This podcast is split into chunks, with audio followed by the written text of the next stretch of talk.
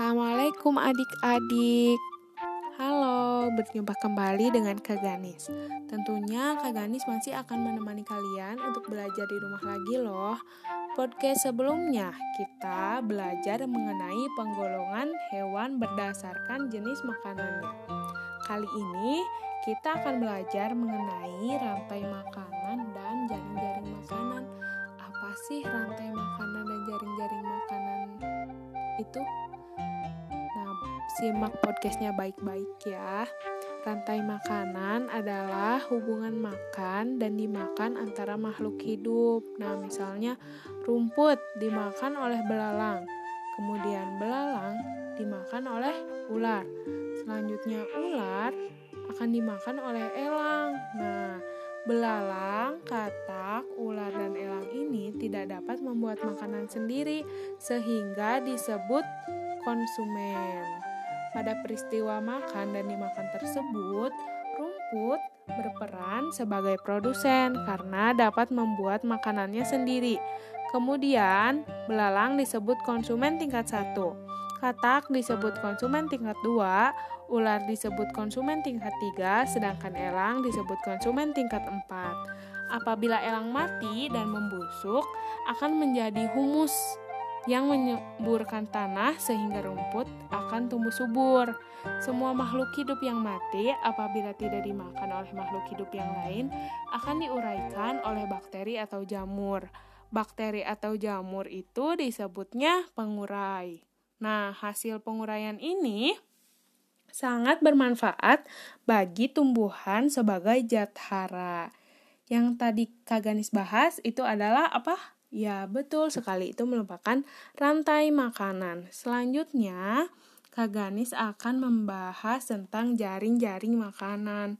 Nah, jaring-jaring makanan adalah sekumpulan rantai makanan yang saling berhubungan.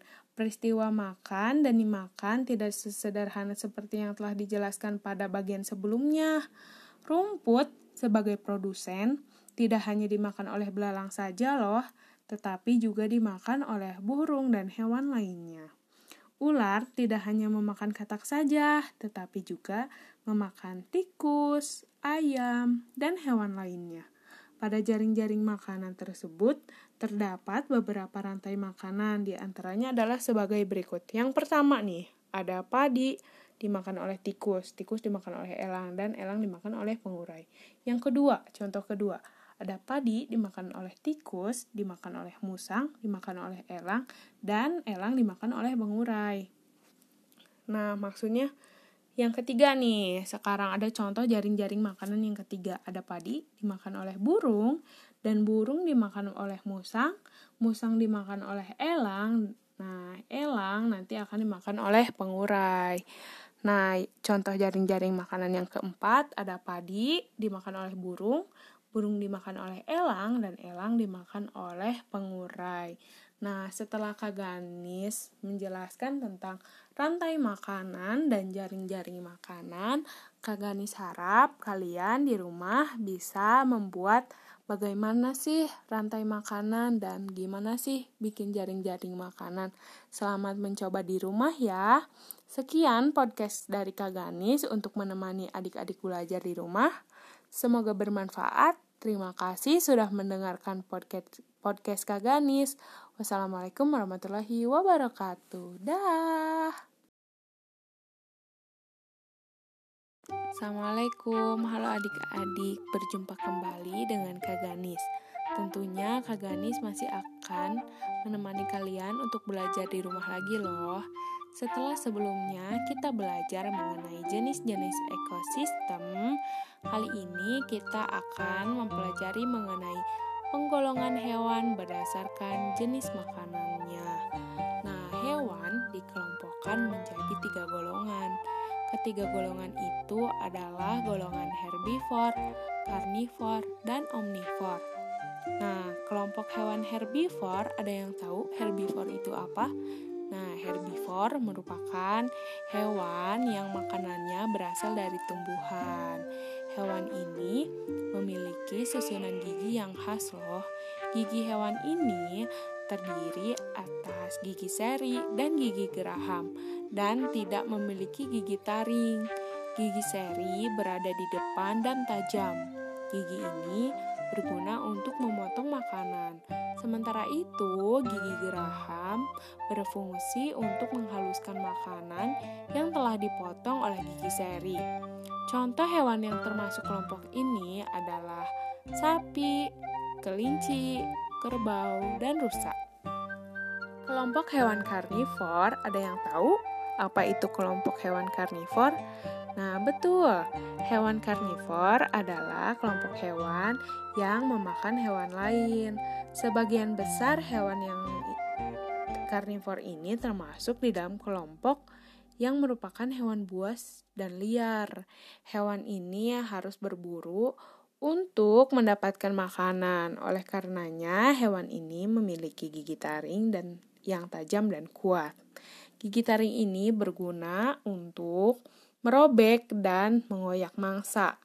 Hewan ini juga memiliki gigi seri yang tajam dan kuat meskipun berukuran kecil.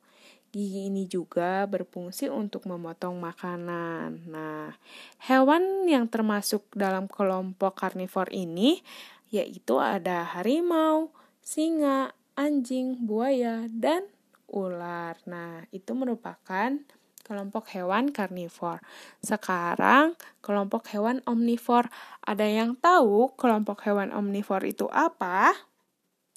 Nah, kelompok hewan omnivor merupakan kelompok hewan yang makanannya berasal dari tumbuhan maupun hewan lain. Hewan omnivor ini memiliki susunan gigi tersendiri, ada gigi seri, gigi taring, dan gigi geraham. Hewan ini berkembang dengan baik untuk menyesuaikan dengan makanannya. Gigi seri dan gigi taring digunakan ketika mereka memakan makanan yang berupa hewan lain. Sementara itu, gigi seri dan gigi geraham digunakan ketika memakan makanan berupa tumbuhan. Nah, hewan yang termasuk omnivor ini ada seperti orang utan, gorila, dan monyet. Ada yang tahu lagi yang termasuk hewan omnivor apa? Cari tahu di rumah ya. Nah, kalian kini sudah mengetahui nih apa saja hewan karnivor, herbivor, dan omnivor. Tentunya masih banyak lagi ya contoh-contoh hewan yang termasuk ke dalam kelompok-kelompok karnivor, herbivor, dan omnivor ini. Coba kalian tentukan hewan apa saja nih yang terdapat di sekeliling rumah kalian, apakah termasuk karnivor, herbivor, atau omnivor. Nah, terima kasih sudah mendengarkan podcast Kaganis. Sampai berjumpa di podcast selanjutnya.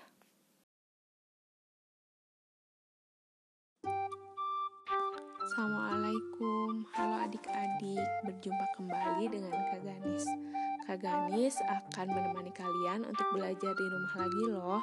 Setelah sebelumnya kita telah mempelajari tentang jenis maka makanan hewan, kali ini Kak Ganis akan menemani kalian belajar mengenai jenis-jenis ekosistem. Nah, jenis-jenis ekosistem ini pada dasarnya ekosistem yang ada di dunia menjadi dibagi menjadi dua yaitu ekosistem alami dan ekosistem buatan. Nah, ekosistem alami terdiri atas ekosistem air dan darat. Ekosistem air ini terdiri atas ekosistem air tawar dan ekosistem air asin. Sedangkan ekosistem darat terdiri atas ekosistem hutan, padang rumput, padang pasir, tundra, dan taiga. Ekosistem buatan merupakan ekosistem yang diciptakan manusia untuk memenuhi kebutuhan manusia. Sawah dan bendungan merupakan dua contoh ekosistem buatan.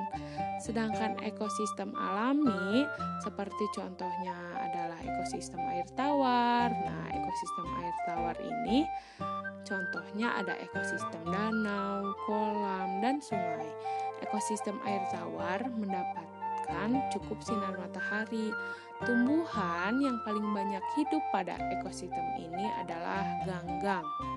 Ekosistem air asin contohnya ekosistem terumbu karang dan ekosistem laut dalam. Berbagai jenis ikan, kerang, koral, dan makhluk laut lainnya hidup pada ekosistem ini.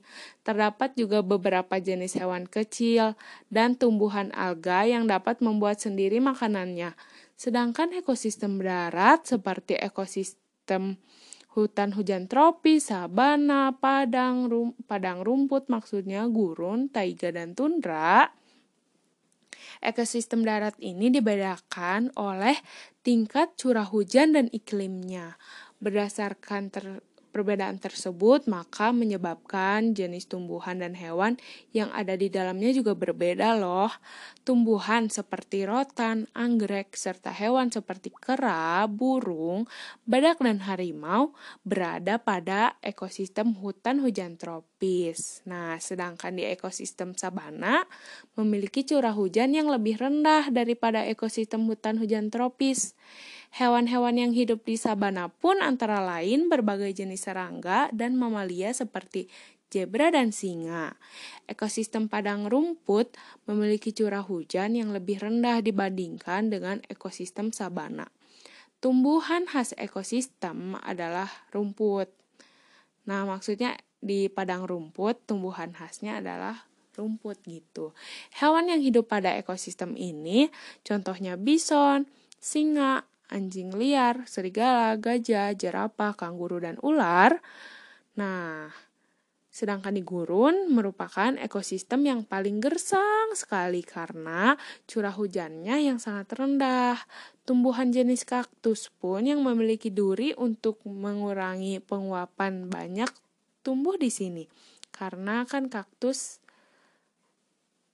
tidak terlalu butuh air ya. Nah, hewan-hewan yang bisa hidup pada ekosistem ini antara lain semut, ular, kadal, kalajengking, dan beberapa hewan malam lainnya. Su sedangkan suhu pada ekosistem taiga sangat rendah pada musim dingin. Taiga biasanya merupakan hutan yang tersusun atas satu jenis tumbuhan seperti cemara, pinus, dan sejenisnya. Hewan seperti beruang hitam dan ajak biasanya hidup di ekosistem ini. Tundra merupakan ekosistem yang dingin dan kering. Banyak jenis tumbuhan tidak bisa hidup pada ekosistem ini karena rendahnya suhu lingkungan sepanjang tahun. Akar-akar tanaman tidak dapat tumbuh pada suhu yang dingin. Tumbuhan jenis rumput pun tertentu saja yang mampu bertahan hidup di ekosistem ini. Beberapa jenis burung bersarang di ekosistem tundra pada saat musim panas seperti angsa dan bebek. Terima kasih adik-adik sudah mendengarkan cerita Kak Ganis. Sampai jumpa di podcast selanjutnya. Assalamualaikum, halo adik-adik. Perkenalkan, nama kakak Kak Ganis Lutpatunisa. Di podcast kali ini, kakak punya beberapa materi yang akan menemani adik-adik belajar di rumah loh. Podcast pertama ini akan mengenalkan kalian tentang ekosistem. Yuk simak baik-baik pelajarannya. Semua makhluk hidup memerlukan lingkungan tertentu untuk memenuhi kebutuhannya. Lingkungan adalah segala sesuatu yang berada di sekitar makhluk hidup. Bagian yang tak hidup disebut dengan abiotik, sedangkan yang hidup disebut dengan biotik. Bagian yang hidup di sebuah lingkungan terdiri atas tumbuhan, hewan, dan makhluk hidup lainnya. Bagian lingkungan yang tak hidup terdiri atas cahaya matahari, air, udara, dan tanah. Cahaya matahari dapat menghangatkan udara, air, dan tanah agar mencapai suhu yang sesuai dengan kebutuhan hidup makhluk hidup. Cahaya matahari juga membantu tumbuhan membuat makanan. Air dan tanah merupakan bagian penting dari sebuah lingkungan. Air yang turun dalam bentuk hujan meresap ke dalam tanah. Air di dalam tanah ini akan dimanfaatkan tumbuhan yang hidup di atasnya dan makhluk hidup kecil lainnya yang hidup di dalam tanah.